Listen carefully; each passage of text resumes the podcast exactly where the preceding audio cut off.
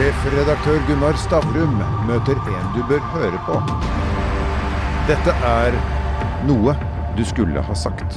Det er ikke ofte man har besøk av en 18 år gammel konsernsjef, men Håkon Ellingsen, du er sjef i Ellingsen Group. Hvordan ble du konsernsjef i så ung alder? Jeg hadde jo en uh, virkelig lyst da, til å skape noe. Og uh, det var jo flere av industriene som forbanna meg litt, egentlig. Spesielt teknologiindustrien. Altså Du har jo de ulike monopolene som Google og Facebook. Og uh, de monopolene ønsker jeg da å bryte opp. Og det er jo der visjonen min om å gjenskape internett kommer. Og det å desentralisere internett og gi det tilbake til folket. Så det, det handla egentlig om det. Å være litt forbanna over ulike industrier og ønske å skape noe nytt. Og da lagde, tenkte jeg jo at ok, da lager jeg Ellingsen Group. Og så limiter jeg meg selv ikke til at jeg kun fokuserer på ett forretningsområde eller industri, men jeg kan lage selskaper for flere industrier. Så det var derfor jeg valgte den strukturen. Ok, vi, vi, kommer til det. Men la oss begynne litt med begynnelsen. Du er altså 15 mm, år og, og er blitt sendt hjem på hjemmeskole med lærere som følger med på, på Slack eller Meet eller hva du bruker. Eh, hva gjorde du da?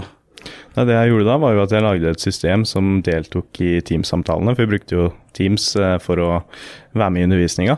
Mm. Eh, så det var egentlig bare en vanlig mouse-clicker. Men jeg visste jo hvor den der Teams-pop-upen kom opp på skjermen. Mm. Og så visste jeg når læreren ringte. Så jeg lagde egentlig bare en mouse-clicker som navigerte til der pop-upen kom. Altså bli med i samtalen. Mm. Så bare spam-klikka den rett og slett helt til jeg var med. Eh, og så visste jeg jo også hvor forlat-knappen var. Så han navigerte jo bare musa automatisk til forlat-knappen og begynte å spam-klikke den når jeg visste at timen var over. eh, så det, det funka jo i så å si alle fag unntatt ett fag. Eh, så eh, for de tok ikke opprop i de fleste fagene, men det var ett fag de tok opprop i. Mm. Så da våkna jeg jo for å delta i akkurat den timen, da, så gikk jeg og la meg igjen. så lærerne trodde at du var der, eh, men noe særlig læringsutbytte fikk du ikke av dette? Eh, jo, altså det gikk egentlig ganske fint eh, på, på, skolen, altså, for uh, selv om jeg ikke deltok i timene. For det var jo bare å øve, eller gjøre oppgavene etter timen. For innleveringene var jo ofte etter, etter vanlig tid. så. Men det å lage en sånn type robot som gjør at de tror du er til stede, det funka eh, til du begynte i andre videregående, og så hoppa du av og ble eh, bedriftsleder på fulltid. Mm. Eh, hva fikk deg til å ta det valget? Altså, jeg har jo alltid hata skolen, egentlig. Eh, og altså, lærerne er flinke. Men eh, systemet de jobber etter, det er, eh, det er gammelt. Det trenger å forandres. Eh, så jeg hadde jo faktisk eh, mange diskusjoner med lærere helt siden jeg gikk i åttende klasse. Jeg mente at systemet det kvelte kreativiteten og, og den gikk ved mennesket. da. Eh, så jeg ønska jo egentlig det å følge min egen nysgjerrighet, ikke opptre i det sirkuset som andre ønsker at du skal opptre i. da. Og så eh, Første dag du etter at du slutta skolen, var du sikker på den beslutningen? Ja, jeg var sikker da, og jeg er sikker nå. Hva gjorde du da? Nei, altså, det som var litt morsomt, var jo at uh, to uker eh, så å si, så glemte jeg å si ifra, egentlig. Eller vi sa ikke ifra om at jeg hadde slutta, faktisk. Jeg bare gikk ikke på skolen. Og så dro jeg jo på skolen, og så sa alle elevene sånn Hvor har du vært? liksom, Og læreren, hvor har du vært? Nei, jeg skal slutte. Så da gikk jeg jo og signerte de papirene, og så var jeg ute. Og du bor eh, hjemme fortsatt, med er konsernsjefen, og du har hele familien med deg i dette selskapet. Beskriv hva Allison Group er, og hva dere driver med. Ja, så Det vi ønsker å gjøre, eller det som er min visjon, det er jo på en måte innovere i industrier som er litt uh, Som opererer til litt etablerte og gamle systemer. da. Eh, F.eks. teknologiindustrien nå må jo gå fra å være hvor makten er sentralisert på få hender, til at man faktisk uh, gir makten til alle brukerne, f.eks. gjennom blockchain. Uh, så det er jo det, det, jeg ønsker å gjøre, og da ønsker jeg å lage ulike selskaper uh, for hver enkelt industri jeg ønsker å, å, gå inn i. da. Så vi har jo nå Ellingsen Technologies. Der utvikler vi et digitalt økosystem. Og i det digitale økosystemet så bygger vi ulike nisjeplattformer. Og så har jeg et selskap som heter Ellingsen Partners, hvor vi gjør konsulentarbeid. Og du kan si at årsaken til at jeg gjorde det på den måten der, det var jo at når du lager ulike plattformer, så tar det ofte litt lang tid, og kostnadene for å bygge plattformer er ganske høye. Så du får jo ikke utvinning for arbeidet ditt med en gang. Eh, så derfor lagde jeg også en konsulentdel av virksomheten, eh, hvor vi får eh, inntekt med en gang, og vi kan bruke det for å rett og slett leke i sandkassa eh, i det andre selskapet. Hvor mange konsulenter er med på dette? Ja, vi er jo ca. 80 stykk nå eh, i teamet. Eh, men til sammen med investorer og styremedlemmer og samarbeidspartnere, så er vi jo ca. 120 mennesker i sving. Wow. Og du, eh, dere selger timer da som konsulenter og tjener penger? Nei, det gjør vi ikke. Nei. Det er faktisk en av grunnene til at jeg er litt forbanna på konsulentindustrien. Ja. Det er det der ordet prisestimat Mm. og timer. Mm. Eh, For vi har jo flere kunder som jeg har snakka med. Og når de har gått til andre konsulentselskaper, så har de jo fått altså, prisestimater basert på timer. Mm. Og, og det jeg opplever da, er at uh, selskapet stoler ikke så veldig mye på de der prisestimatene som er basert på timer. Mm. Uh, Det de egentlig ønsker er dette er det, jeg, dette er det produktet jeg vil ha bygd. Mm. Uh, eller dette er den visuelle identiteten jeg vil ha designa. Og så får de en klar pris. Så det er altså full klarhet i hva de får og hva de må betale. Så vi priser aldri timer. Det er en av grunnprinsippene våre. Mm. Men de, de inntektene dere får som, fra konsulentvirksomheten, det bruker dere til å bygge dette økosystemet, eller sånn? Stemmer. Mm. Så det for meg er på en måte en mulighet til å gi, bruke den kunnskapen vi har eh, innhenta, eh, til å hjelpe andre bedrifter. Men også da skape de inntektene, som du sier, til at jeg kan få rett og slett få, gjøre visjonen min om til virkelighet. da. For den store visjonen min det er jo det økosystemet jeg nå lanserer om et par måneder. Som har eh, over ti apper allerede. Og jeg har eh, flere hundre på tegnebrettet. Så det Jeg bare tenker på at Når du bruker ord som teknologi og industri, så ser for, sikkert folk for seg en sånn type mekanisk stålsliping. Ja. Vi snakker om en digital virksomhet. Yes, da snakker jeg egentlig om internettindustrien. da. Mm. Eh, Så, så plattformer, apper, digitale økosystemer. Du eier altså, eller Dere eier bl.a. det som heter Proper Fans, som akkurat nå er nede for, for vi- vedlikehold. Så jeg har ikke fått sett så nøye på det. Men det blir beskrevet som en form for møteplass for, eh, for teknologiinfluensere, eller hvordan vil du beskrive det? Ja, altså Vi lanserer jo den om et par måneder nå. Mm. Eh, og vi har jo allerede med oss 600 av de største innholdsskaperne i verden. Mm. Så til sammen har jo de 600-200 millioner følgere på eksisterende plattformer. Mm. Men det Proper Fans egentlig er, det er at det er en måte å kutte ned følgerne dine fra eksisterende plattformer. La oss si du har 100 000 følgere på Instagram, så kutter du de med 95% og da sitter du igjen med 5000 av de mest dedikerte følgerne. Det er de følgerne som ønsker å betale for innholdet ditt, som ønsker å få mer ut av innholdet ditt. Så derfor kommer de da over til Properfans, hvor de kan få tilgang på eksklusivt innhold, eh, samtaler med innholdsskaperen, de kan være med i community chats med innholdsskaperen. Så er det en måte å komme nærmere på idolet ditt, eller innholdsskaperen, eller influenseren, eller hva enn du vil kalle det. Så det, det er en form for Onlyfans, men for hode og innsikt, og ikke for andre attributter. Eksakt. Det er uh, Altså hvis det er noen som lytter nå, de, de driver med porno, så beklager jeg, men det er pornofritt. Hva, hva vil det koste å være bruker? Altså Det bestemmer jo innholdsskaperen du abonnerer på. Mm. Uh, For det er jo innholdsskaperen selv som setter sine egne priser. Mm. Uh, Så Men Properfans er jo en del av et økosystem. Og et økosystem det er jo Du kan si at eh, et økosystem skal tilfredsstille alle behov i en kundereise. Eh, Så eh, her vil vi jo tilfredsstille da for innholdsskaperen og fans.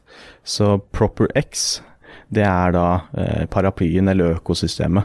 Og under der ligger Proper Fans, Proper Meet, Proper Chat og Proper Live. Så vi skal egentlig gjenskape da alle de ulike sosiale medieaspektene vi har nå i dag. Også et stikkord som heter Bloomfull, som skal være en slags tjeneste under dette. Hva er det for noe? Ja, det er jo en plattform vi allerede har betalansert. -hmm. Det er en plattform hvor eh, unge mennesker kan komme i kontakt med lisensierte psykologer. Eh, Så jeg ønska å lage et lavterskeltilbud hvor det ikke tok så mye å faktisk gå til psykologen. Hvor du kan være anonym, og du kan komme i kontakt da gjennom videosamtaler eller, eller chat med psykologer. Hva er forretningsmodellen da? Forretningsmodellen er jo at eh, psykologene selv benytter seg av plattformen, setter sine egne priser, og så er det opp til brukerne å navigere de ulike psykologene. Men hør når du snakker nå, så hør, Du er ikke liksom the average 18-åring som har droppa ut av skolen. Du bruker eh, etablerte på en måte økonomibegreper. Så, uh, hvor har du lært deg alle disse tingene fra? Internett. Uh, For jeg mener jo at internett er den beste skolen vi har. Og jeg syns det er synd at eh, det virker ikke som at alle på en måte har tatt inn over seg den makten internett egentlig har for kunnskap og læring. da. Mm. For eh, det er jo litt som at du kan lære hva som helst. Du må egentlig ikke være på skolen. Det som er eh, Det er jo en som sier at uh, Learning is not scarce. The desire to learn is scarce. Ikke sant? Hvis du vil lære noe, så kunnskapen ligger der. Det er på internett. Men det er den lysten til å faktisk lære det som er eh, ikke, ikke vanlig, da. Eh, Av det du nå da anvender av kunnskap eh, for å bygge denne virksomheten, det var mye har du lært på skolen? Nei, altså jeg vil si at det, det jeg bruker er jo grunnlærdommen, som altså lese og regne og så videre. Men, ja, men det, det kan jo være mer òg. Det er jo sikkert vanskelig å liksom pinpointe eh, eksakte kunnskapen jeg har brukt, men eh, det er ikke, jeg tror ikke det er veldig mye, altså. Lærte du noen særlig digitale ferdigheter på skolen? Nei. Det, hva kan du av digitale ting? Driver du og programmerer og sånn sjøl, eller? Ja, så jeg lagde jo min første plattform da jeg var tolv. Eh, Da lagde jeg et eh, spillkasino.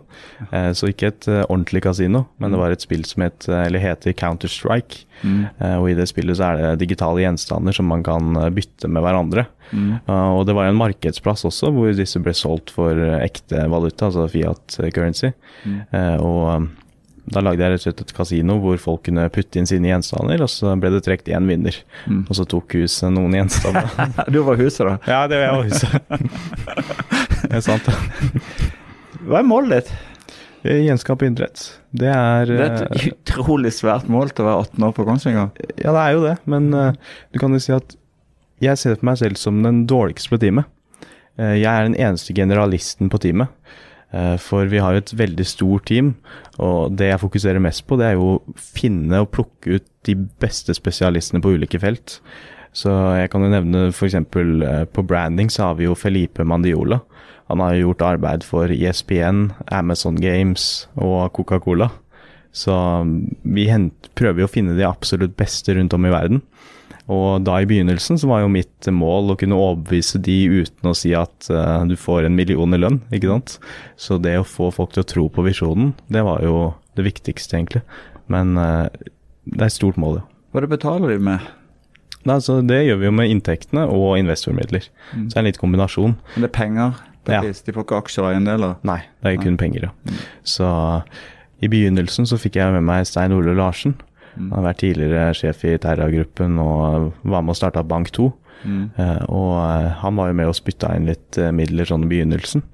Men det også tror jeg er noe av det som jeg er takknemlig for nå, hvor flinke vi har vært til å holde kostnadene lave. Uh, for jeg har alltid vært sånn at jeg har telt hver eneste krone. Uh, og altså, vi bruker ikke mer penger enn det vi absolutt må. Det kan jeg si det har vært hemmeligheten bak Nettavisens suksess også. Vi Ja. var ganske gjerrige på pengebruk. Men så gikk du til det som heter Klosser innovasjon, og fikk Mm. litt hjelp av de til å strukturere og kanskje skaffe penger? Ja, altså De hjalp oss jo å få um, tilgang på Innovasjon Norge. Eh, for Innovasjon Norge sa jo at ok, dette er har vi troa på.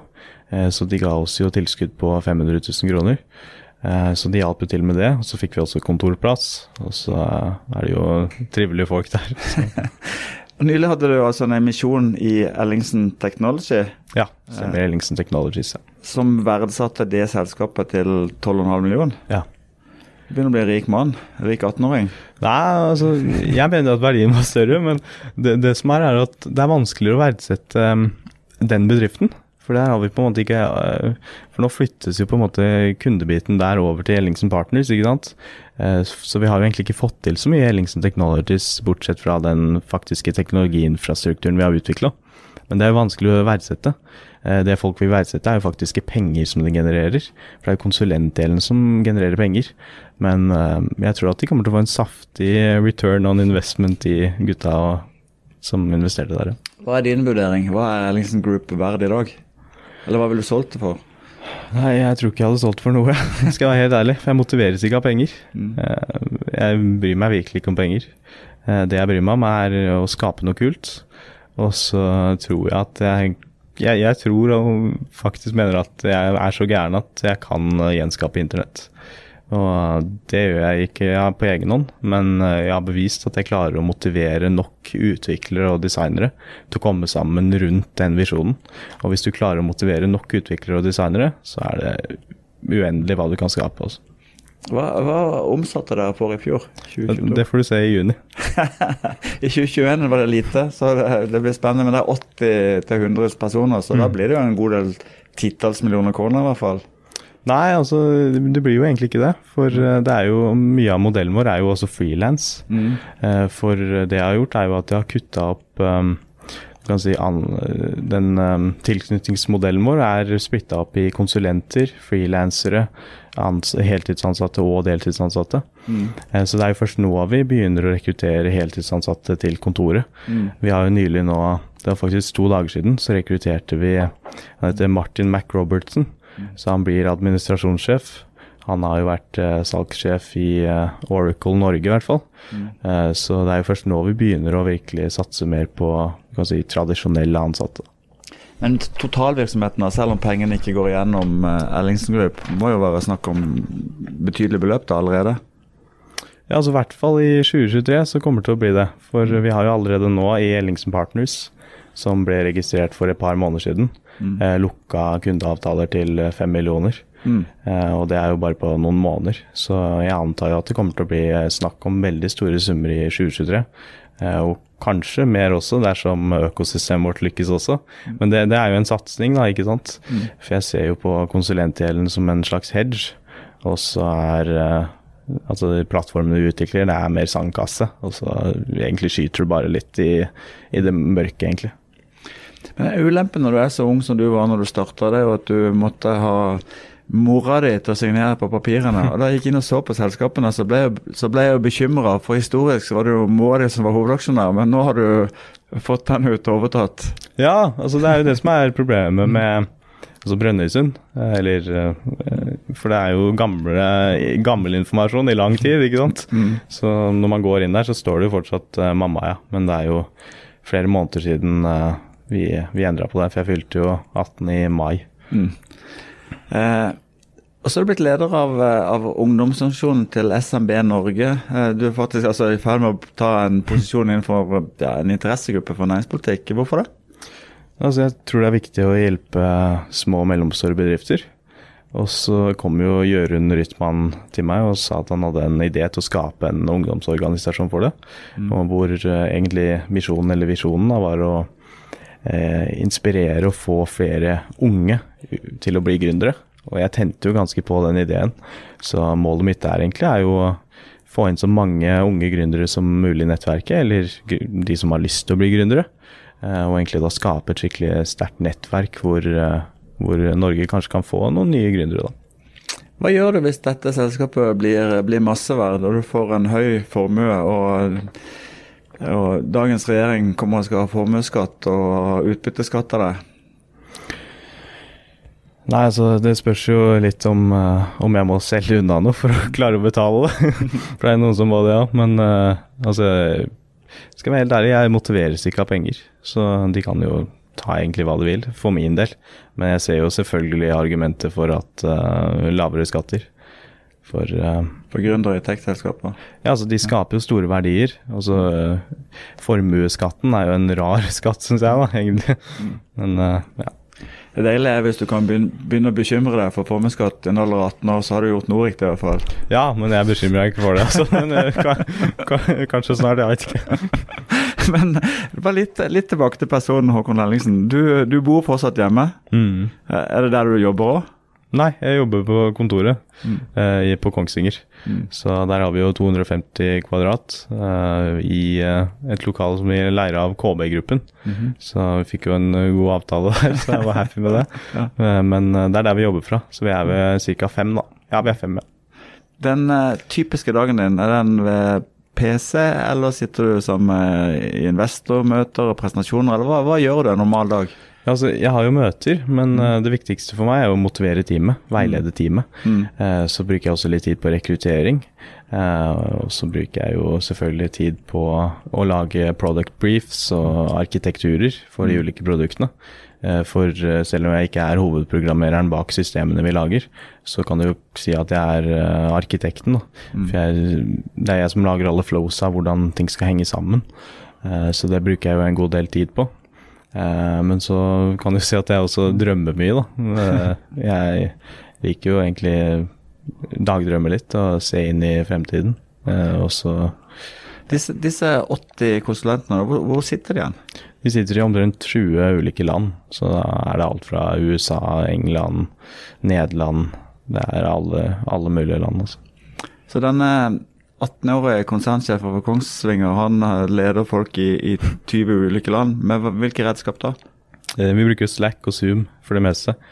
Eh, så det funker jo bra, det. Eh, folk liker jo også remote arbeid. Eh, problemet med remote for mange, det er jo at det er vanskelig å på en måte sørge, altså passe på at folk faktisk jobber når de skal jobbe. Men jeg tror også at remote kan være en fordel også. For hvis man baserer, resultat, baserer de ansattes prestasjoner på resultater, ikke på timer, Eh, for det spiller ingen rolle for meg hvor mange timer eh, de ansatte jobber. Det som betyr noe, er jo hva de faktisk produserer. Eh, men det er jo mange som jeg prater med som nevner at det kan være et slags problem. da. Hvordan er det du sørger for at de faktisk jobber? Men det ser man jo på resultatene. Jeg bare sitter og tenker på Det kan jo være en eller annen luring som lager en robot som klikker uh, når ja. du innkaller til møte, så tror du han er der, men så er han egentlig på Seychellene på ferie. Ja, jeg får, si at, uh, jeg får si at de på teamet ikke skal lese de artiklene, så få noen ideer. takk skal du ha for at du kom hit. Tusen takk. Sjefredaktør Gunnar Stavrum møter en du bør høre på. Dette er noe du skulle ha sagt.